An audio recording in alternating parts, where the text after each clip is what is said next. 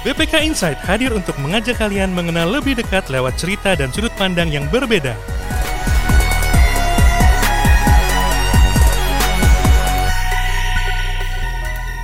Assalamualaikum warahmatullahi wabarakatuh. Waalaikumsalam. Salam sehat, barokah untuk kita semua. Edisi perdana podcast BPK Korpu. Tamu kita untuk edisi kali ini adalah Ibu PLT Kepala Badan Diklat BPK, Ibu Ida Sundari. Eh, selamat pagi Bu, Selamat pagi Pak Dwi. salam sehat. Hari ini kita akan napak tilas nih, Ya. ya bagaimana perjalanan ya, perjalanan tugas eh, Bu Ida di BPK yang nggak terasa sudah 41 tahun ya Bu ya. Eh, diawali eh, sejak lulus SMA, kemudian mulai bekerja sampai saat ini. Luar biasa Bu. Nggak semua punya pengalaman yang seindah ini Bu. Eh, gimana tuh awal-awalnya kok bisa eh, tertarik mengabdi eh, di BPK pada saat itu?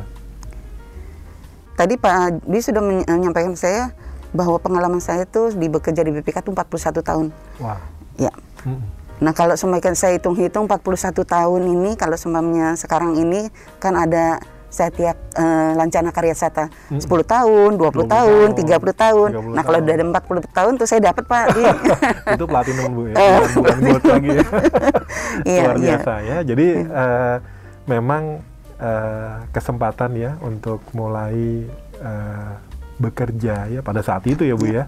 Eh, itu kan butuh eh, persiapan ya. Eh, Betul. udah kegambar bu pada saat itu apa eh, keterampilan apa gitu ya yang mesti dipersiapkan gitu ya dan juga eh, hal-hal yang mesti kita ini ya karena masih masih masa-masa SMA ya boleh dikata ya bu ya Betul. gimana bu pada saat itu tuh Ya, eh, memang awal Pak, saya bekerja eh, di BPK itu ya pengalaman saya karena memang pendidikannya masih SMA, Mhm. ya tugas-tugasnya pun ya sebatas yang inilah tusi saya, saya men- menata usaha surat-surat, Mhm. mencatat surat masuk, surat keluar, internal eksternal, ngetik surat Mm-mm. dan dan sebagainya juga mendistribusikan. Mm-mm. Nah itu eh, itu kan tahun 80 saya masuk. Ya. Nah tahun eh, saya merasa kalau pekerjaan saya hanya Mm-mm. seperti ini, saya mungkin tidak ada perkembangan, tidak Mm. ini. Jadi di tahun 81 Mm-mm. nah, saya berinisiatif untuk kuliah lagi. Oh, Saya kuliah, eh, kuliah waktu itu karena memang eh, saya juga kebetulan ben- dibantu pak waktu itu di oleh Pak eh, Pak Sekjen Pak Sujito itu beliau me- apa memberikan aran eh, petunjuk saya. Ida dia masih manggil Ida. Mm, mm, Eh, mm, Ida kalau mau meningkatkan karir tidak bisa hanya sekedar SM lulusan SMA betul, betul. jadi harus ditingkatkan pendidikannya. Ini. Akhirnya tahun 81 itu saya daftar lah Mm-mm. saya daftar di Mustopo, Mu- Universitas Mustopo Beragama. Mm-mm. Ya pertama karena dekat dari kantor. Mm-mm. Sudah di Gatot Subroto. Pusat ya, sudah di Gatot Subroto eh, kerjanya, kemudian eh, dan juga biayanya tidak terlalu mahal. Mm, Tinggal nyebrang aja tuh ya ke kampus ya dekat. Enggak ya. apa, naik kopo aja itu. Oh. naik kopo aja. Iya, ya iya, kalau iya, iya. Pak Dwi mau tahu, gaji saya tuh saat itu 16.900 Pak. 16.900. Tapi pada saat kurs ya, dan Eh. apa kebutuhan-kebutuhan belum semahal sekarang ya Bu ya. Tapi walaupun belum semahal sekarang itu 16.900 itu tidak bisa cukup buat naik kopaja Pak. Oh, iya iya iya iya iya iya. iya. Ya, jadi saya masih perlu tambahan dari orang tua saya. Mm-mm. Jadi itu eh, saya la- lalui sampai dengan saya eh, kuliah sampai dulu masih eh, D3. Mhm. Jadi D3 di, di wisuda dulu, kemudian melanjutkan lagi Mhm. sampai eh, saya lulus eh, S1 waktu itu. Ka- Kursus-kursus sudah am- sudah sempat ambil Bu ya pada saat kur- di oh, kalau kursus-kursus diklat-diklat itu terus Pak ada di sana ada. Nah pada saat itu eh, di apa eh, untuk peningkatan kompetensi itu baru ada apa eh, eselon 3 Pak di Hmm. kabak eh, pendidikan dan pelatihan. Pada saat masih SMA Pada saat masih misalnya kayak ngetik ya Iya. atau apa kalau dulu kan ada pembukuan Oh iya apa. Hmm. betul betul. Jadi eh, tapi alhamdulillah sebenarnya saya sudah sebelum saya masuk BPK itu saya udah kursus ngetik. Eh, saya sudah kursus ngetik. Saya bu- 10 jari, Bu, ya? 10 Nggak jari eh, tanpa melihat Pak. Jadi boleh dites Pak. Dan boleh itu dites. karena benar-benar dengan ketekunan dan kontinu itu.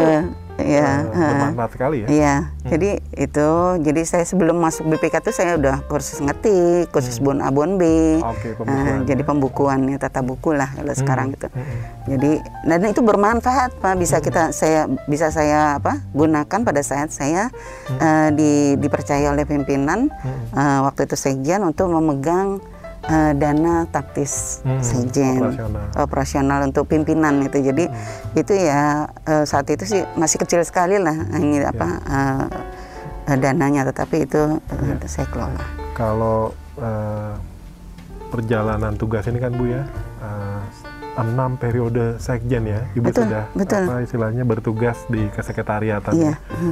Itu kan suatu masa yang panjang ya. Kalau sekarang kita bicara ada proses bisnis gitu ya. Pada saat itu Ibu praktek langsung ya. Betul. bagaimana menangani eh, administrasi jantungnya organisasi sebenarnya iya. kan. Kita lanjut ya obrolan kita ya, perjalanan eh, di zona 80 ya. Tadi 6 periode sekjen ya ketika eh, awal eh, mendampingi proses ya kesekretariatan di situ. Bisa diceritain Bu pada tahap-tahap awal itu apa sih yang paling menarik gitu ya? Pak Sujito pada saat itu ya, Ya, betul. Eh, saya ini di se- sekretariat sekjen itu kurang lebih 21 tahun, Mbak. Wow. Tadi dengan pro- penggantian enam kali sekjen itu sejak mulai Pak eh, Sujito Sindumi Harjo, kemudian eh, Pak Rohana Wangsa Diharja, Pak Suwandi, kemudian Pak Masulili, kemudian Pak Bambang Triaji dan yang sekjen yang keenam tuh Pak Sugianto. Pak Sugianto. Jadi ya sebagai eh, bawahan yang kebetulan karena saya mengelola anggaran jadi eh, saya agak interaktif lah apa komunikatif dengan eh, beliau-beliau. Kalau Nah, jalannya itu- organisasi kan dari kesekjenan ini Bu ya? Betul, betul. Dan eh, di sekretariat jenderal itulah memang eh, semua surat-surat dari berbagai unit itu masuknya ya ke sekjen lah. Mm-mm. Jadi bisa dibayangkan tugas sekjen itu Mm-mm. banyak sekali. Betul, betul. Jadi untuk me- melayani pimpinan dan juga seluruh Mm-mm. eh, pegawai di BPK. Mm-mm. Nah, belajar dari situ, pengalaman dari penggantian 6 sekjen itu Mm. banyak yang eh, bisa saya eh, apa dapati. Mhm. Ya, seperti ya gaya, gaya, sifat, kepemimpinan, kemudian juga eh, bagaimana memberikan suatu apa putusan, kebijakan, memotivasi itu beda-beda, Pak. Oh ya ya ya. Beda-beda. Kepemimpinan Hmm. dan menggerakkan ya seluruh organisasi. Pada Betul. saat itu sudah ada eh, perwakilan-perwakilan. Sudah, di- tapi perwakilan-perwakilan baru baru tiga waktu itu, Pak. Nah, Masih. kalau kita lihat perjalanan ini Bu ya, Mhm. nggak lepas dari perjalanan organisasi kita Bu ya. Betul, betul. Nah, ya. Di fase-fase awal eh, pada saat Pak Sugito itu apa yang menarik Bu pada saat itu Ibu yang Ibu tangani secara administrasi, secara keuangan gitu ya. Ya. Eh, bisa diceritain ya Bu ya. Ya waktu zaman Pak Jito ya dengan saya pengalaman baru satu tahun di situ ya Pak ya, saya banyak belajar nah ya dari mengelola pembukuan apa, eh, kemudian saya dipercaya oleh Kasubag untuk bikin apa konsep surat. Oke. Nah dengan saya bikin konsep surat itu saya bisa tahu Mm-mm. jadi eh, untuk eh, apa pimpinan yang eh, ini apa misalnya Pak Sekjen Pak Sujito itu beda Iya. dengan karakteristiknya dengan eh, Pak Rohana dengan Bapak-bapak Sekjen. Jadi saya membuat surat itu biasanya tiga kali, tiga kali itu ada perubahan ada perbaikan-perbaikan. Dan Nah pada- sesudah itu pada saat itu benar-benar kalau namanya perbaikan ngulang lagi. ngulang awal, lagi. ya. ya. Nah, saya, eh, sejak eh, ke- tiga kali saya ini apa ada perbaikan, berikutnya tuh alhamdulillah Hmm. eh, surat masuk langsung ditandatangani. Jadi Hmm, eh, dengan saya udah tahu, oh eh, beliau maunya seperti ini, Hmm. apa gaya penulisan surat seperti itu. Nah itu buat belajar buat saya, Pak. Iya, bagi eh, awal ya Bu ya. Hmm. Iya, betul. kan menangkap ya Bu ya. Mhm. Eh, ini apa yang mesti ditulis, apa Betul. yang mesti disiapkan konsepnya. Betul, Itu betul. prosesnya gimana tuh Bu? Sehingga akhirnya polanya kan uh, terbentuk by proses ya. Ya, kalau untuk uh, tata persuratan dulu tuh juga sudah ada template, Pak. Oh, Oke. Okay. Sudah ada template persuratan. Hmm. Jadi kita uh, sudah um, um, bisa ini pak bagaimana kita membuat surat yang internal hmm. yang eksternal itu sudah ada template-nya juga hmm. walaupun masih hmm. ya inilah uh, masih awal-awal dan juga coding hmm. saya tuh hafal yang namanya uh, ini apa oh unit kerja ini kodenya sekian sekian karena hmm. uh, setiap hari ya, saya ya. apa Coding sudah mulai berjalan. Sudah mulai berjalan ya, waktu itu.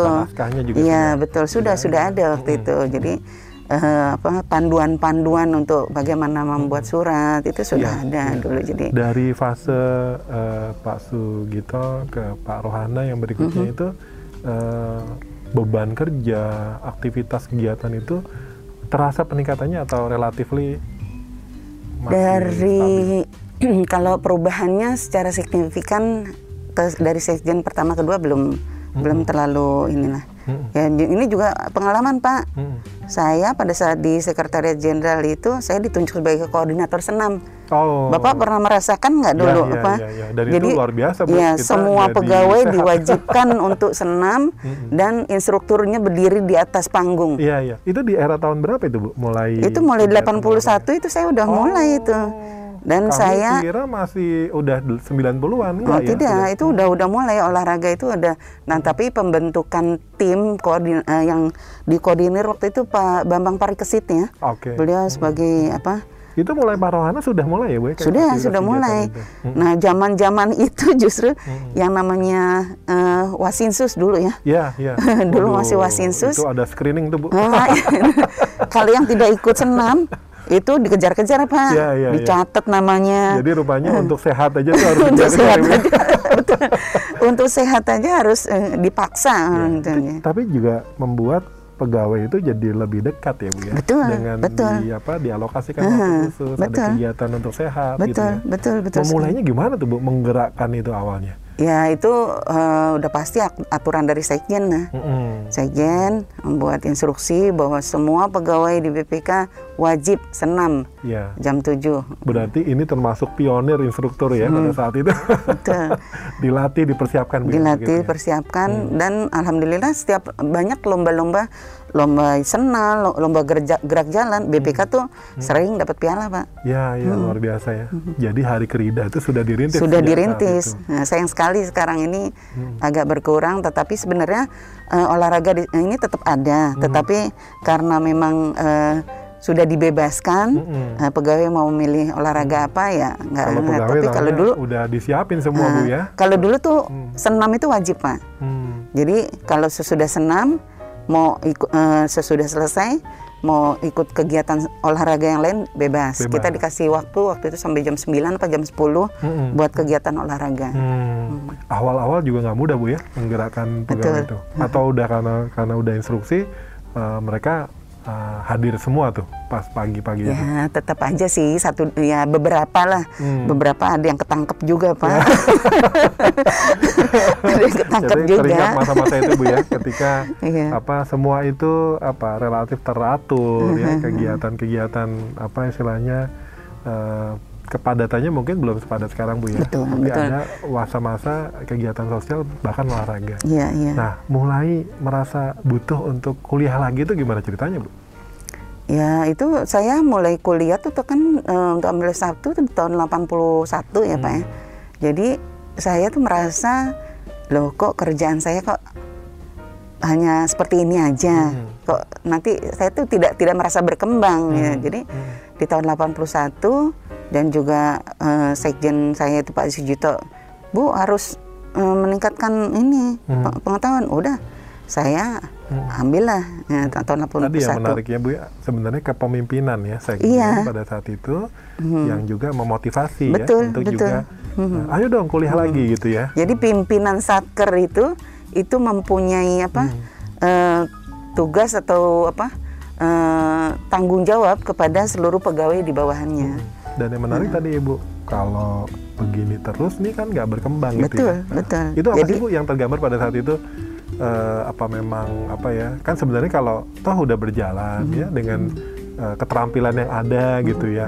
Kenapa sih masih kuliah lagi gitu ya? Itu apa yang membuat jadi semangat Bu untuk ambil kuliah? Bosan pak, Hmm. bosan. Kok cuma nulis apa nyatet surat doang gitu. Hmm, hmm, hmm. Eh, jadi ya saya perlu untuk meningkatkan apa pengetahuan. Saya harus pendidikan apalagi eh, di apa di masa-masa itu juga masih masih sedikit lah. Ini apa pegawai masih sedikit. Dan juga biro SDM kami waktu itu eh, Pak ah saya lupa. Pak eh, Pak masih zamannya Pak Utomo Marsidi. Oh iya. Eh, zaman Pak eh, mungkin sebelumnya ada juga sih. Nah Pak Utomo bilang gini, Bu harus sekolah. Kalau tidak sekolah Hmm, nggak akan bisa berkembang di ini di Iya. bidang Padahal karirnya tidak akan belum ada program ibaratnya kedinasan. ya, belum ada Kalau- belum ada. Kalau mau Eh, kuliah ya kita harus mandiri. harus ya. mandiri ya kita sekolah ini dia sendiri. Kalau sekarang kan udah Ya. eh, ya. pegawai udah nyaman, udah ada Udah beberapa disediakan program-program beasiswa segala macam. Ambil eh, fakultas apa Bu pada saat itu Bu? Eh, saya ambil ekonomi manajemen, Mbak. Oh oke. Ya, saya ambil ekonomi manajemen. Jadi saya kuliah dari kantor, saya naik kopaja ke ka- ke kampus, em, makan di kampus sampai pulang malam. Ya itu saya lakukan setiap hari selama pembelajaran. Hmm, Nah, alhamdulillah ya. Nah, walaupun agak tersendat-sendat cukup lama juga ya Iya, saya. sambil bekerja eh, ya lulus, saat eh, waktu lagi itu kan. eh, sambil bekerja terus saya tidak terus. Jadi ada break juga. Saya nikah waktu itu, Pak Hmm, hmm. di tengah-tengah saya kuliah tuh saya nikah, saya Iya. punya anak se- sehingga saya apa nah, perlu waktu lebih lama lagi. Nah sudah saya lulus ya itu kita 87 ya. Eh, itu saya lulus. Maksudnya udah mendapatkan ijazah. Saya serahkan ke eh, biro SDM kemudian ada ujian dinas. Nah itu saya disesuaikan kenaikan pangkatnya. Itu eh, selesai kuliah fase satu periode sekjen atau sudah berganti? Oh sudah berganti, sudah berganti Pak. Jadi sudah se- sekjen yang keempat Hmm. Eh, itu apa? Oh bukan, ketiga, ketiga Pak Wandi. Karena saya ingat Pak Wandi itu bilang, Bu, kalau untuk biaya apa bikin tesis itu lumayan loh Bu biayanya. Hmm, Nah, itu pun saya dibantu kebetulan. Iya. Ya, jadi eh, ini apa? eh, saya selesai waktu sekjen yang ketiga. Nah, untuk eh, saya selesai, saya mendapat kenaikan pangkat istimewa, Pak. Oh oke. Jadi dua tahun eh, saya udah naik ke 3B. Iya. Nah, sejak saya dap- eh, menjadi gol- eh, mendapatkan 3B itu, saya dipromosikan sebagai PLT Kasubag Sejen di tahun 93. 93 Bu. ya. 93. Nah, tadi Bu kan sempat menyampaikan ya, ternyata uh, menangani kesekretariatan ya, menangani proses administrasi itu juga uh, diwarnai dengan pola atau gaya kepemimpinan ya Bu. ya. Betul, betul. Apa yang menarik nih Bu fase-fase ketika dari uh, sekjen yang Pak Sujito ke yang berikutnya gitu yang Ibu masih uh, terkesan gitu ya. Mm-hmm. Tadi ya oh kuliah dimotivasi juga Iya, kan betul. pada saat itu Uh, apa yang bisa dipelajari Bu, dari dari proses uh, menangani atau mensupport sekjen pada saat itu Ya, kita sebagai pemimpin itu tidak dilahirkan, Hmm. tetapi kita belajar. Mm-mm. Kita harus belajar, kita meningkatkan pengetahuan kita, kompetensi kita, dan juga kita melihat dari lingkungan sekitarnya. Iya, iya. Jadi hal itulah yang eh, membuat saya, saya ini apa? Oh, pemimpin itu seini- eh, seperti ini. Jadi gaya-gaya pemimpin itu beda-beda, Pak. Mm-mm. Jadi eh, saya melihat bagaimana kita memberikan suatu instruksi saja Mm-mm. itu di enam sekjen itu Iya. eh, caranya tuh beda-beda dan itu yang saya ambil eh, ini apa eh, manfaatnya buat saya apa yang bisa saya tiru Mm-mm. sebagai seorang pemimpin. Ya, ini menarik ya, sahabat pembelajar. Ternyata kalau ibaratnya di organisasi, mulailah dari titik awal ya organisasi.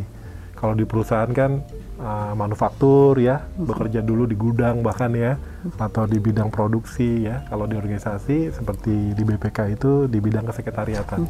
Ternyata nggak cuma administrasi, nggak cuma bagaimana mengelola nota dinas gitu ya, tapi ada gaya kepemimpinan Betul. kepemimpinan ya bagaimana proses perjalanan organisasi BPK di mana Bu Ida Sundari itu hadir ada dalam proses dan memahami bagaimana proses itu berjalan di organisasi kita. Bu, tadi kan mulai dari SMA menjadi staff ya. Ibu hitung-hitung udah 21 tahun nggak terasa gitu ya. Pada saat itu Ibu kebayang nggak sih suatu saat akan menjadi manajemen gitu di BPK? Atau ya udah mengalir begitu aja Bu? Ya awal-awalnya sih mengalir gitu saja pak, Hmm. mengalir begitu saja. Saya tidak tidak ya tidak saya, saya tidak membayangkan bahwa saya tuh eh, sesudah saya eh, meningkatkan pengetahuan saya, pendidikan saya menjadi S1 terus disesuaikan eh, di tahun 93 jadi kan sekitar 13 tahun itu Pak ya. Mm-mm. Jadi 13 tahun saya bekerja sebagai staff, di tahun 93 saya diangkat sebagai PLT Hmm, Kasubag eh, Sekjen itu. Ya, Tapi dari proses tadi Bu ya, Mhm. inisiatif Ibu untuk mulai menyiapkan diri kursus Oh, ya, pada iya. saat apa SMA untuk mulai juga siap bekerja gitu ya. Kemudian juga kuliah lagi pada Betul. saat itu loh Iya, ya, iya, di mana masih sangat terbatas sekali. Gaji juga masih 16.500 900. ya Betul. untuk naik kopaja aja mikir gimana gitu ya. Iya, iya. Keras sekali loh ini apa perjuangan ya dan apa proses yang Ibu lalui gitu ya. Sampai eh, saatnya diberi kepercayaan menjadi PLT Kasubag gitu. Gimana tuh Bu? Apa istilahnya eh, dari staff terus tiba-tiba masih mengelola gitu ya, masih memimpin gitu. Ya, ya. Eh, karena gini Pak Dewi, mungkin karena memang saya sejak masuk itu di sudah di staff sekjen Mhm. dan kebetulan juga pimpinan saya waktu itu kasubag eh, sekjen yang ada itu memberikan tugas-tugasnya tuh ke saya. Mhm, mhm. Ya jadi ya alhamdulillah saya bisa Mm-mm. eh, melaksanakan tugas saya sebagai eh, PLT Kasubag Sekjen. Bagaimana saya apa eh, saya kan sebagai eh, apa eh, istilah pimpinan lah walaupun masih eh, masih awal Sebagai manajemen ya, Bu, ya? sebagai eh, sebagai manajemen.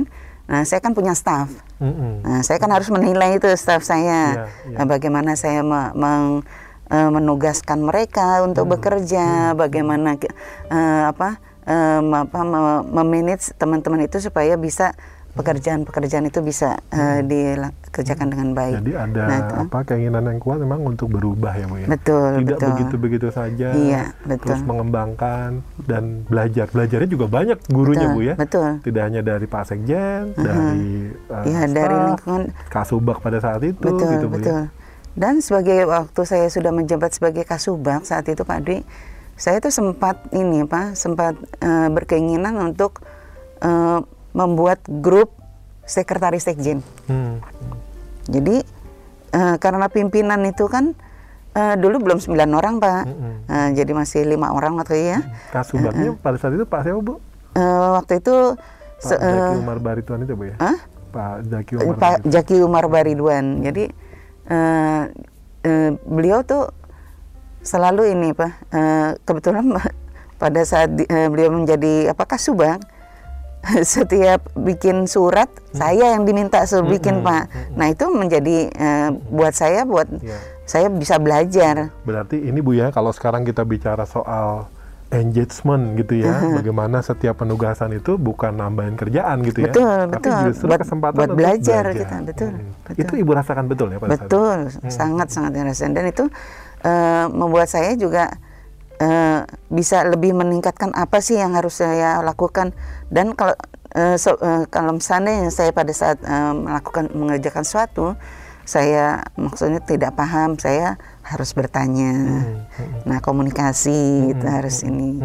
Kemudian juga bagaimana kita meningkatkan apa eh, pengetahuan kita? Ya baca buku segala macam. Nah itu Jadi pada saat ditugaskan sebagai kasubag itu sebenarnya prosesnya sudah sudah berjalan itu ya. apa uh, bagaimana teknis secara administrasi gitu ya, Betul, betul. tinggal uh, bagaimana memanage gitu ya. Iya, iya. Apa bu yang paling jadi tantangan saat itu? Karena di era itu kan BPK itu ada fase-fase mulai organisasinya berkembang, mulai ada perubahan-perubahan waktu itu betul sekali pak jadi eh, pada saat saya menjadi kasubag itu yang saya rasakan ya pertama udah pasti tanggung jawab ya Mm-mm. tanggung jawab saya itu pasti berubah saya punya staff yang harus saya manage bagaimana saya eh, meyakinkan bahwa staff-staff itu bekerja eh, dengan baik. Mm-mm. Nah itu itu yang pertama. Terus kedua dengan uh, mulailah ada perubahan-perubahan ya uh, perubahan-perubahan pimpinan itu juga mengakibatkan perubahan-perubahan pola kebijakan aturan segala macam. Nah kita harus menyesuaikan. Itu uh, mulai ada ya program-program ya Rensra waktu itu sudah sudah udah mulai ini apa sudah udah dan itu harus dilaksanakan oleh seluruh pegawai ya hmm, untuk ini apa. Hmm, nah itu kita uh, ini laksanakan apalagi pada saat zaman ketua itu Pak Pak Billy, hmm. kemudian saya ketua itu berapa kali penggantian tuh ada Pak Muhammad Yusuf. Hmm. Nah, hmm. nah itu kebijakan-kebijakan tuh yeah. uh, berubah-berubah lah. Yeah. Kita harus menyesuaikan sebagai pelaksana kita harus menyesuaikan uh, kebijakan atau aturan-aturan yang dibuat oleh pimpinan kita. Ya. Tapi dan, itu dan ini ya apa istilahnya menggerakkan semua itu kan kesekjenan. Betul itu. dan itu tugasnya sekjen. Hmm. Nah sehingga saya sebagai kasubag sekjen itu harus uh, istilah membuat program-program, hmm. kegiatan-kegiatan sekjen apa yang harus dilakukan ya. uh, baik untuk internal maupun eksternal. Ya. Uh, jadi proses pembelajarannya jadi lengkap ya bu ya. Betul. Di kampus ibu ambil manajemen, uh -huh. di sini menerapkan ya. ya dan nggak kerasa 21 tahun proses itu bu ya. Yeah, yeah. Dan uh, berikutnya ketika mulai ditugaskan ke level yang lebih lebih apa lebih tinggi lagi gitu ya. Uh, apa yang paling mengesankan selama 21 tahun di kesekjenan itu bu? Di sekjen itu ya saya sih uh, merasa senang ya happy di sana hmm. karena uh, pembelajaran saya itu dimulai dari situ hmm. uh, dan saya bisa berkembang di situ yeah. saya bisa meningkatkan karir saya di situ hmm. dan juga dari awal ya bu ya betul dan itu buat saya itu memotivasi saya bagaimana saya harus belajar dan hmm. meningkatkan mudah-mudahan ini jadi inspirasi juga ya. Kalau sekarang kan kita di samping di struktural ada juga di fungsional. Betul. Salah betul. satu fungsional adalah jabatan pelaksana umum ya. Hmm, hmm. Ini berarti perjalanan organisasi tetap terbuka bu ya. Betul betul. Dan di di subak sekretaris jenderal itu juga saya meningkatkan kompetensi saya. Saya ambil S2 pak. Oh, Oke. Okay. Uh, Magister Manajemen di YAI, Yayasan hmm. Akuntansi Indonesia. Itu sejalan organisasi BPK mak makin berkembang. Uh, betul. tahun berapa bu ya? Uh, itu tahun 97 saya ambil. Hmm. Sampai 97 saya ambil uh, di apa YAI, saya ambil akhirnya saya lulus MM sekjennya uh, pada saat periode Pak itu uh, sudah Pak Gianto. Oke. Okay. Uh, antara sesudah Pak antara Pak Bambang Triaji uh, dengan Pak, Pak Sugianto.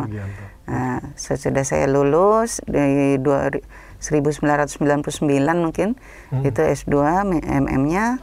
Nah di 2001 saya mendapatkan promosi ke Pusdiklat waktu itu. Wah ini. Sebagai eselon 3 di Pusdiklat. Ya, jadi kapus diklatnya ya sebelumnya masih bagian bagian kediklatan gitu Bu ya, yeah, kemudian yeah. jadi pusdiklat.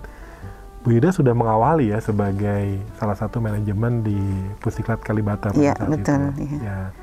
Di bagian apa tuh Bu? Uh, di bagian penyelenggaraan Pak. Hmm. Ya sekarang. nggak sih Bu ruangannya huh? saat itu kelasnya baru berapa tuh Bu? Ah kelasnya baru beberapa kelas itu dan juga masih ya masih tradisional sekali tradisional lah. Sekali.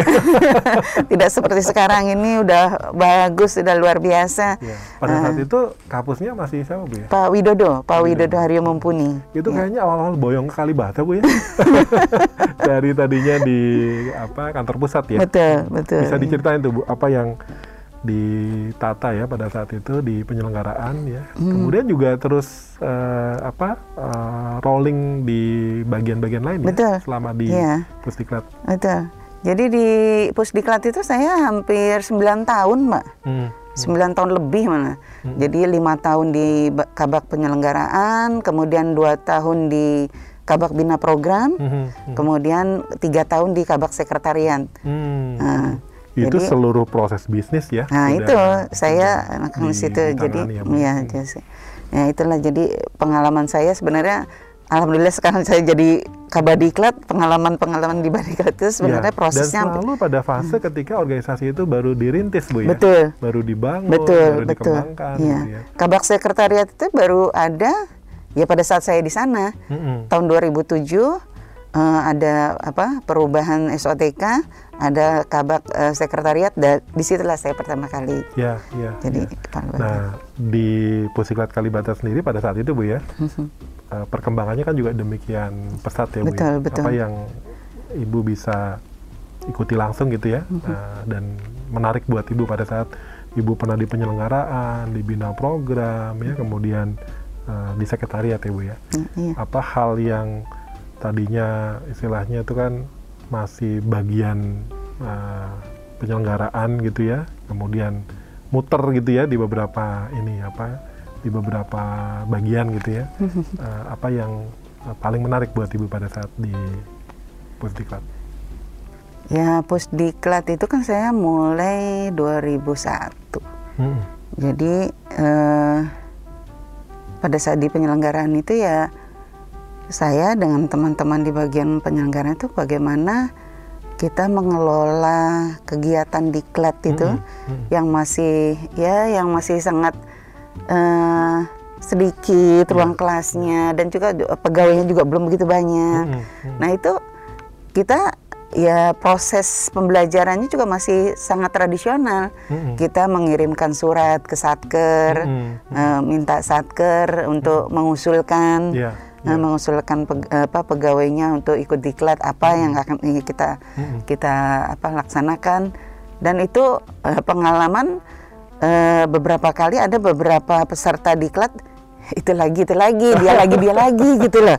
Nah itu eh, karena Media suaranya juga yang senior-senior ibu pada saat itu ya. Iya, jadi eh, eh, di di satker satker juga mengirimkan pegawai itu ya mana yang ada di kantor saat itu karena yang lain kan meriksa. Iya. Eh, jadi kita juga tidak tidak memperhitungkan siapa harusnya kan kita sesuaikan dengan kebutuhan jam diklat dan Iya, sebagainya yang iya. sekarang ini kan kita Iya, lakukan sudah lebih baik jauh lebih Jadi baik kelasnya juga masih satu dua, Betul. ruangan apa kerja itu juga masih terbatas ya bu ya. Iya, iya. Mulai di sekat-sekat dulu gitu. betul betul betul sekali Udah mulai banjir nggak tuh bu? tapi tapi menyenangkan pak proses Iya, iya. perubahan itu juga Hmm. eh, bagaimana kita mem- memperluas ini pak ruangan-ruangan kerja walaupun awalnya cuma disekat-sekat tapi Hmm. Iya, iya. eh, pengembangan-pengembangan itu terus dilakukan dan diperbaiki Wisma belum ada tuh bu ya di awal-awal itu ya? Wisma sudah ada pak Oh, oke. sudah ada tapi ya eh, ini apa eh, masih eh, belum direhab baik lah waktu itu masih masih standar Dan apa tagline BPK Start at Pusdiklat itu mulai di ya diinisiasi di- bu ya. nah itulah itu. Kegiatan internasional training mulai betul berjalan. betul Ya. sudah sudah pada saat saya di penyelenggaraan itu juga sudah mulai ada beberapa diklat internasional pak jadi Termasuk perintis juga kan Bu ya untuk memperoleh WBK pada saat Ah, Ibu betul. sebagai uh, kepala betul sekretariat. ya. Jadi eh, itu eh, pertama kali ya ini sebenarnya WBK itu saya mulai pada saat saya di Itama sih pak Mm-mm. Mm-mm, jadi tapi di eh, saya akan eh, merintis eh, untuk kegiatan eh, apa pembangunan zona integritas itu sebenarnya waktu di Itama Iya. pertama kali ya tahun 2013 itu Yang menjadi pilotingnya Pusdiklat ya. iya. Jadi ini nyambung ya Bu ya Iya. setelah setelah uh, bertugas di kepala bagian sekretariat, Mhm. berarti next karir berikutnya itu? Saya promosi di sebagai eselon 2 itu di inspektur satu dulu masih inspektur satu kemudian ada perubahan SOTK perubahan nomenklatur. Jadi inspektur pemeriksaan internal dan mutu ke- kelembagaan. Hmm. situ saya sempat empat tahun pak. Ya ya. Ya, sebagai eselon yang membidangi juga untuk mengembangkan WBK, betul. WBM ya. iya WBK dan WBBM itu pertama kali diinisiasi itu 2013 untuk pembangunan zona integritas.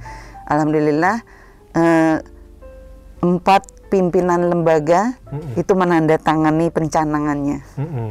Iya, Eh, iya. iya. pada saat itu mengawali ya Iya. bangun sistem, bangun budaya, bangun prosesnya gitu ya. iya. Dan ternyata alhamdulillah ternyata kita bisa ya mengembangkan secara uh, kelembagaan. Iya. Di Itama tuh berganti lagi nih Bu prosesnya ya dari pendidikan ke Iya. inspektorat. Uh, dan juga pernah di perwakilan ibu ya. Iya. Nah, gimana nih apa istilahnya tour of duty dan pembelajaran ini ya? Jadi makin lengkap nih bu ya ke perwakilan Pengalaman. kemudian ke Itama. Iya. Waduh, mengikuti perjalanannya Bu Ida ini nggak kerasa 41 tahun ya. Rasanya cepet banget ya.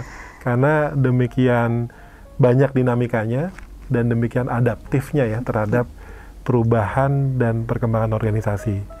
Perubahan berikutnya makin lengkap nih ya manajerialnya Bu ya. Eh, ke perwakilan sebagai kepala perwakilan ya. Setelah sebelumnya Ibu membangun ya sebagai inspektur ya dan kemudian perjalanan berikutnya menjadi Irtama. Gimana nih Bu? Eh, apa hal menarik ya dari inspektur kemudian ke perwakilan? Karena kan yang selama ini Ibu di kesekretariatan, di pengembangan kependidikan ya, kemudian di kelembagaan, ternyata mesti memimpin pemeriksa BPK di perwakilan. Gimana Bu? Iya Pak Dwi, Eh, saya waktu mu- dimutasi dari inspektur PIMK terakhir itu menjadi kepala perwakilan Kalimantan Barat Mm-mm. itu saya tidak pernah membayangkan bahwa saya akan dipindah ke daerah itu pertama Mm. Pertama kali Bu ya, pertama kali setelah sekian puluh Nah, tahun. Hmm. Tapi itu sesudah saya dimutasi ke sana, ya saya kan wajib melaksanakan apa tugas saya. Hmm. Nah, saya merasakan eh, BPK perwakilan itu adalah BPK mini Mm-mm. karena kegiatannya itu kompleks, Pak. Ya, Hmm. kita juga melakukan pemeriksaan, ini- kemudian ya mem- bagaimana memanage penunjang pendukungnya Hmm. bisa berjalan dengan baik. Nah, itu lengkap ya semua proses bisnis ya bu ya Semua, Dari jadi, um, seluruh unsur pendukung ya betul. So- eh, jadi itu ya memang saya harus belajar lagi, Pak. Mm-mm. karena eh, walaupun saya pernah melakukan pemeriksaan ya eh, itu masih saya masih di staff sejen itu hanya diperbantukan saya. Saya belum pernah menjadi eh, unit di AKN tuh belum pernah. Mm-mm. jadi saya kan harus belajar lagi bagaimana eh, eh, aturan-aturan standar pemeriksaan apalagi kan saya sebagai penanggung jawab. Ya Eh, nah, di situlah eh, apa kita di eh, sebagai suatu apa eh, ya sebagai manajemen atau pimpinan baru di satu unit kerja kita wajib untuk meningkatkan atau eh, apa mengembangkan pengetahuan kita apa yang menjadi tanggung jawab pekerjaan kita di dan situ. yang menarik salah satu penataan organisasi itu dimulai dari kebersihan ya bu ya gimana bu ceritanya tuh ah, saya jadi ketawa ini kalau masalah kebersihan. Memang kebersihan di eh, perwakilan Pon- Pontianak itu di eh, perwakilan Kalimantan Barat saat itu memang saya rasakan sangat kurang-kurang bersih lah. Waktu itu kebetulan eh, Bapak anggota BPK Pak Profesor Barula Akbar berkunjung ya berkunjung ke eh, perwakilan Kalimantan Barat Mm. Padahal saya baru dua hari lah di sana tuh baru uh, di apa. Nah beliau memang untuk serah terima jabatan dan hadir tuh. Nah, saya belum ke lantai tiga tuh pak. Nah ke lantai tiga di perwakilan itu, wah memang luar biasa sudah saya lihat di sana antara meja kerja dan meja untuk buang-buang sampah itu ya sama lah. Jadi wah saking sibuknya bu meriksa jadi lupa Iya. nah, ini Nah, dan juga mungkin karena ruangan. ruangannya juga sempit pak, masih kecil. Jadi pegawainya banyak, eh, Kapasitas ruangannya terbatas. eh, eh, ruangannya terbatas. Akhirnya waktu itu juga memang ada eh, perluasan ini bangunan di belakang di dibangun eh, gedung untuk para pemeriksa. Mm-mm. Jadi memang luar biasa. Nah, pengalaman yang saya yang lucu itu di perwakilan. Yang pertama eh masalah ya toilet saja. Hmm. Semua toilet itu semua jongkok. Padahal kan kasihan kalau semuanya ada misalnya eh, kepala daerah ke situ. Semua di maksudnya saya itu jauh dari modern ya bu ya Oh, jauh dari modern. itu yang pertama. Yang kedua tiang bendera. Tiang bendera itu kalau sumpah saya sebagai inspektur upacara, Hmm. saya harus balik Hmm. karena tiang benderanya itu eh, eh, adanya di belakang saya berdiri. Hmm. Jadi eh, para pa- apa Ngalangin eh, Bu ya. yang eh, naik bendera itu di belakang saya, jadi saya harus berbalik. Iya. iya. Akhirnya saya bilang "Se- eh, untuk eh, ins- eh, upacara berikutnya kalau ini belum dirubah saya nggak mau jadi eh, inspektur upacara. Akhirnya langsung dirubah. Pusing Bu ya ini. Benderanya di mana? ya masalah-masalah kecil gitu akhirnya Iya, eh, iya. karena saya udah bilang ayo dibersihkan itu tidak ini Mm-mm. tidak jalan pak. Mm-mm. Akhirnya saya bikin nota Mm-mm. lomba kebersihan, Hmm. lomba kebersihan antar unit kerja. Iya, iya. Udah mulailah itu jadi eh, mereka berlomba-lomba untuk itu membersihkan kan ruangan. Menyatukan ini Bu ya antara pemeriksa. Nah itu juga pemeriksa. itu juga satu ini pak satu hal juga pada saat saya di sana ada informasi ini apa antara pemeriksa dan yang non pemeriksa itu oh ini apa jauh sekali ini apa punya dunia hubungannya masing-masing ya. Ah, jadi punya dunia masing-masing. Nah sesudah saya ke sana saya kumpulkan semuanya pegawai-pegawai saya kumpulkan ada suatu acara aja kunjungan pimpinan semua saya libatkan. Hmm. Jadi semua saya libatkan, yang pemeriksa non pemeriksa saya libatkan Iya. semua.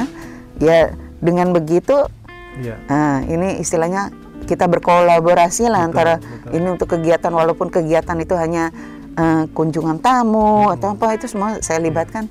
Nah dengan dengan seperti itu semakin inilah semakin enak gitu kita Iya, eh, dekat berkomunikasi antara teman satu ini juga, saling ya, saling empati saling empati, saling membutuhkan. Itu bisa, kan, uh-uh. bisa belajar juga proses bisnis kita yang pemeriksa nggak cuma meriksa Iya. Juga betul, ada cerita karena ada dukungan ya juga dari penunjang pendukung juga ini apa memberikan eh, suatu apa eh, hal yang perlu diperlukan. Jadi itulah.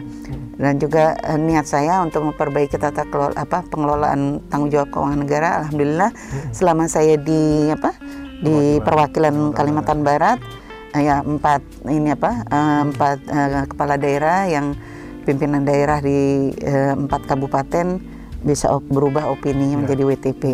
Nah itu pada saat saya tinggalkan itu tinggal eh, tiga eh, entitas lagi yang perlu diperbaiki. Menarik ya, eh, menata dari hal-hal yang eh, nampaknya sederhana bu ya, tapi justru di situ mulainya eh, solidnya satu organisasi, termasuk akhirnya komunikasi ke eksternal ya dengan eh, meningkatkan kinerja dari pemerintah daerah. Ya.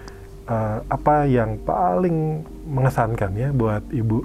Nggak terasa berapa tahun tuh bu di Kalimantan Barat pada saat Di itu? Kalimantan Barat tuh satu saya tuh satu tahun 8 bulan, Mbak. Satu tahun 8 bulan. Nggak kebayang juga Bu ya, mesti memeriksa, memimpin pemeriksaan, menggerakkan organisasi, dan ternyata bisa berjalan dengan baik ya. Eh, apa tuh Bu, apa istilahnya, tipsnya gitu ya, Eh, soal komunikasi kah, atau tadi ya, memulai dari menata hal-hal yang namanya keseharian, tapi itu ternyata penting ya. Hmm. Betul betul sekali. Eh, ya yang paling inti ya Pak karena sebagai seorang pemeriksa, pemeriksa kita tuh wajib eh, meningkatkan eh, nilai-nilai dasar BPK. Hmm. IIP, Iya. integritas, independen dan profesionalisme itu perlu terus dibangun. Mm-mm. Jadi awal saya datang ke Pontianak itu atau ke Kalimantan Barat, saya perlu mengenal pimpinan daerah atau kepala daerah masing-masing Mm-mm. di entitas. Saya berkunjung ke ada 14 entitas kebetulan di situ. Saya memperkenalkan diri dan eh, alhamdulillah dengan eh, kita tahu kita mengenal komunikasi kita tuh bagus baik. Jadi eh, contoh saja ada misalnya ada satu kepala daerah yang bilang sama saya, "Bu, eh, kalau eh, ini apa eh, akan melakukan pemeriksaan di tempat kami, jangan si A dong yang ditunjuk ini." Mm-mm. Nah, hal itu kan bi- bikin Mm-mm. tanda tanya buat saya. Ada apa dengan si A? Mm-mm. Nah, akhirnya saya uh, ya diskusikan dengan tim tim yang sebelumnya. Mm-mm. Ternyata memang ada sedikit masalah yang Ya. bersangkutan perilakunya, integritasnya ternyata kurang baik. Mm-mm. Mm-mm. Nah, hal-hal kecil seperti itu ya memang harus kita kita lakukan Pak. Kita Ya. harus mengenal karena kalau tidak kenal bagaimana kita melakukan Ya, Eh. dan dan ini Bu ya, eh, independensi, integritas profesional itu harus real ya dihadirkan. Karena semua tuh me- me- memotret ya Bu ya. Hmm, Dan komplain juga ketika ada yang tidak eh, sesuai ya Betul, dalam betul. penugasannya. dan ini ternyata menghantarkan juga memimpin inspektorat di masa kepemimpinan ibu berikutnya. Iya. Uh, gimana tuh bu dari perwakilan dapat gambaran real ya uh, ujung tombaknya BPK lah ya. Iya. Kemudian kembali ke inspektorat untuk menjadi uh, Irtama. Pada saat itu apa yang concern banget ibu bangun gitu ya uh, pada saat menjadi uh, inspek, uh, inspektur utama. Ya sesudah saya di perwakilan Kalimantan Barat dipromosikan di sebagai inspektur utama. Hmm. Uh, saya tuh seben- sebenarnya karena sudah belajar Mhm. di inspektorat utama sebelumnya sebagai inspektur selama empat tahun, Mhm. uh, paling tidak bisnis proses Mhm. yang ada di Itama tuh saya sudah Mhm. uh, pahami. Namun pada saat saya menjadi Itama itu yang paling saya merasa uh, perlu ada apa ya moral atau hati nurani yang kuat pada saat saya ikut di tim di atau sekretariat di MKKI Pak. Hmm. Majelis Kehormatan Kode Etik. Ini pada saat BPK lagi benar-benar jadi tumpuan Betul, ya masalah-masalah hukum mulai ada yang menuntut lah, Betul, ada betul. banyak hal yang kita tuh makin sebenarnya makin dituntut untuk makin akuntabel ya bu ya. betul semakin akuntabel semakin transparan sebagai Itulah MKKE nah itu secara undang-undang ya, secara organisasi mulai hadir. Banyak pengalaman yang menarik bu ya di situ ya. seru-seru ba- banyak kalau saya ceritakan di sini ya nggak selesai nih Tapi dari beberapa kasus hukum, etika dan lain-lain ya, pengalaman ibu terutama menjadi irtama ya, mengikuti proses MKKE gitu ya. Apa sih bu hal penting yang bisa dipelajari ya, yang untuk menjadi introspeksi, mawas diri dan ya pengembangan buat kita semua. yang penting eh, kita sebagai pemeriksa kita di samping kita sudah dilengkapi dengan pengetahuan kompetensi dan sebagainya kita juga ini yang paling penting adalah integritas Hmm. Jadi kita sudah difasilitasi segalanya oleh BPK, kita melakukan ke- pemeriksaan, kegiatan, eh, ya diharapkan eh, para pegawai ini tidak menerima lagi yang sudah memang sudah diberikan hak-haknya oleh di- mereka. iya, Eh, Jadi dijaga banget ya. harus dijaga betul. gitu ya. Betul. Kecil saja masalah kecil saja ya istilahnya eh, contoh yang Hmm. ini apa? Oh ini mau membeli eh, alat, contoh alat ini Mm-mm. pakailah rekanan saya. Hmm. Nah, seperti itu aja itu kan sudah tidak boleh. Iya, iya, Nah, iya. Ya seperti itulah. Jadi Hmm, eh, kita harus introspeksi sebagai seorang pegawai kita sudah cukup BPK itu atau pegawai itu sudah bisa melakukan pekerjaannya lebih baik eh, Iya. eh, dari apa yang eh, memang Jadi diharapkan sehingga situasi lapangan ya bu ya Betul, betul. di apa sih kayak di iming-imingi Hmm, betul. atau apa istilahnya hal-hal yang tadi ya nantinya bisa mencederai integritas itu Betul. itu yang kayaknya perlu dipegang betul Iya, ya iya. Hmm. Jadi yang paling utama itu bekerja itu integritas. Orang pintar tanpa integritas Mm-mm. susah. Mendingan eh, apa eh, integritasnya baik, eh, apa eh, profesionalismenya agak kurang bisa buat belajar. Hmm. Tetapi kalau integritasnya kurang Iya. susah Ini untuk diperbaiki.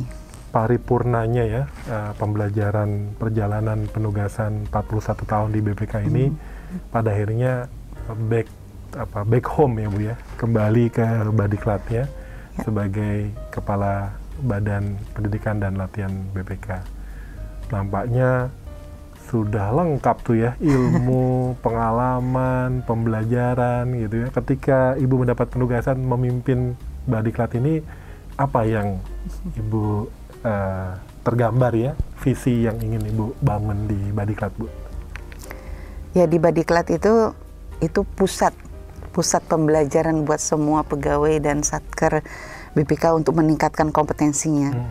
Bagaimana saya dan juga teman-teman di Badiklat bekerja sama untuk bagaimana eh, kita meningkatkan pe- pengetahuan atau kompetensi pegawai dengan cara yang mudah.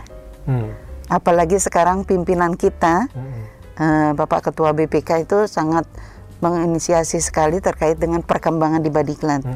Dan kita sekarang ini Bapak tahu sendiri kan kita sudah menuju Ya. eh, apa kita mengadaptasi, mengadaptif eh, prinsip-prinsip korpu kita beru- eh, apa kita ingin melakukan perubahan yang eh, cukup signifikan eh, di mana ya pada tanggal 8 April yang lalu kita sudah melakukan launching BPK Corporate University itu sebagai langkah awal bagaimana kita melakukan eh, ke depan perbaikan-perbaikan sehingga kita eh, untuk learning organization bagaimana kita membuat suatu metode atau eh, pembelajaran atau hal-hal yang memang untuk peningkatan pegawai itu lebih mudah. Ya. Nah, itu harapan kita ya.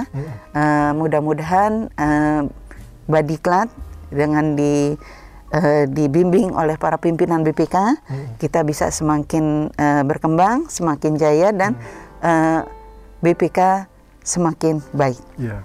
Kan dari masa ke masa nih Bu ya, mulai apa? BPK awal, BPK berkembang, Ibu juga mengikuti ya perkembangan di Pusiklat kemudian menjadi Badiklat gitu ya. Kita ingin menginisiasi BPK Corporate University Betul. dengan digitalisasi, fleksibilitas, kemudahan akses ya. Kemudian ada beberapa program termasuk podcast ini Bu ya. Nah, ini sebenarnya apa sih yang yang apa sih menjadi menjadi satu apa istilahnya tujuan pengembangannya gitu Bu. Kenapa demikian cepatnya nih Bu baru di akhir 2020 ya. Waduh demikian fast track gitu ya. eh, Perubahannya ya. Iya. Betul.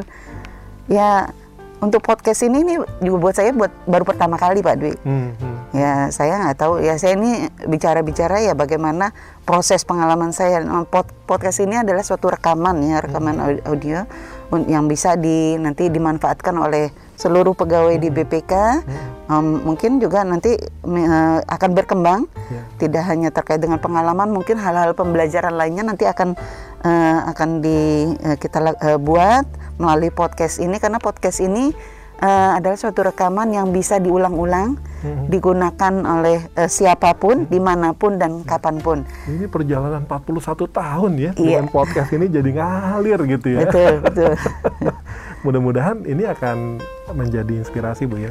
Jadi tidak hanya dengan apa di kelas ya, melalui apa elektronik gitu ya, melalui apa istilahnya eh, outbound gitu ya. Ternyata ada storytelling ya yang bisa di di di sharing juga melalui podcast ini ya. Bu. Betul, betul sekali karena memang sekarang ini eh, digital itu digi- eh, pembelajaran secara digital itu sangat eh, dibutuhkan, apalagi masa pandemi seperti ini ya.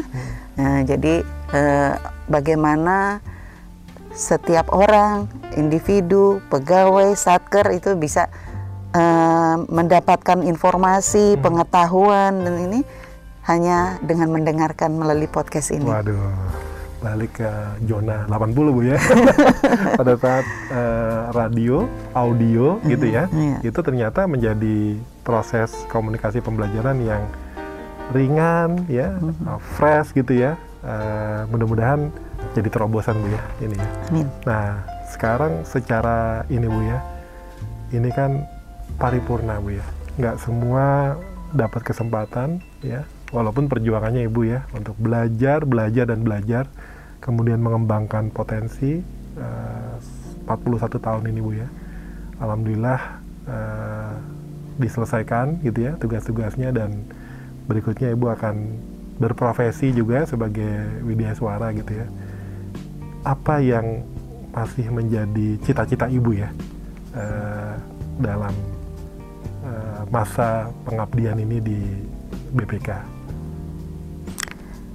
Kalau cita-cita, ya saya sih ingin apa yang sudah diawali melalui launching BPK Korpu ini bisa tercapai sesuai dengan harapan dari pimpinan, di mana kita sesuai dengan uh, roadmap di Badiklat sendiri bahwa kita uh, proses untuk uh, perkembangan uh, Badiklat ini menuju uh, BPK Korpu dengan kita memperoleh nanti sertifikasi dari uh, Global CCU uh, itu bisa di kita uh, dapatkan. Itu yang sekitar 2023 nanti. Nah di proses ini sekarang ini saya mengharapkan tidak hanya para manajemen Badiklat saja, para WI saja, para pimpinan satker dan mungkin juga pimpinan harus berkomitmen, harus membantu kami karena kami sebagai Badiklat ini hanya sebagai fasilitator, kami sebagai pengelola pembelajaran itu diklat, tetapi semua unit kerja, semua pimpinan kerja yang mempunyai pengetahuan, informasi, silakan bisa menghubungi uh, Badiklat sehingga apa yang ada dimiliki oleh setiap orang itu bisa ditransfer ke uh, apa uh, ke Badiklat baik melalui tulisan, podcast, YouTube dan apa pun itu bisa kita uh, perbaiki dan kita kembangkan. Mudah-mudahan uh, Badiklat ke depan bisa sesuai dengan harapan pimpinan kita menjadi uh, learning organization di mana setiap orang bisa belajar di mana saja kapan saja dan dalam uh, waktu yang tidak terbatas. Luar biasa. Sahabat pembelajar BPK Korbo, ini adalah satu proses panjang uh, pembelajaran tiada akhir ya.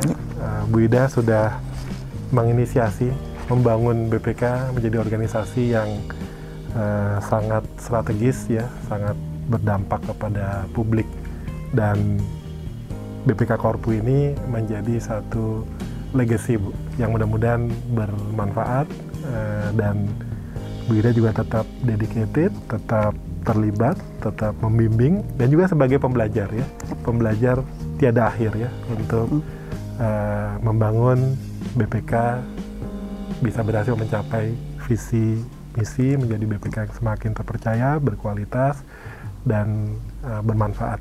Apa nih Bu yang jadi motivasi ya dari pembelajaran Ibu 41 tahun ya dengan segala keterbatasan, dengan segala proses yang harus dilalui satu demi satu.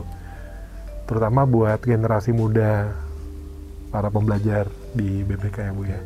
Apa nih yang harus lebih semangat dan lebih baik lagi dalam berkontribusi di organisasi? Silakan Bu. Ya, uh, saya mengharapkan bagi para pegawai yang masih baru, yang masih pemula, apalagi sekarang ini uh, di BPK ini banyak kesempatan-kesempatan yang difasilitasi oleh BPK sendiri seperti beasiswa dan diklat-diklat yang sedang kami bangun ini.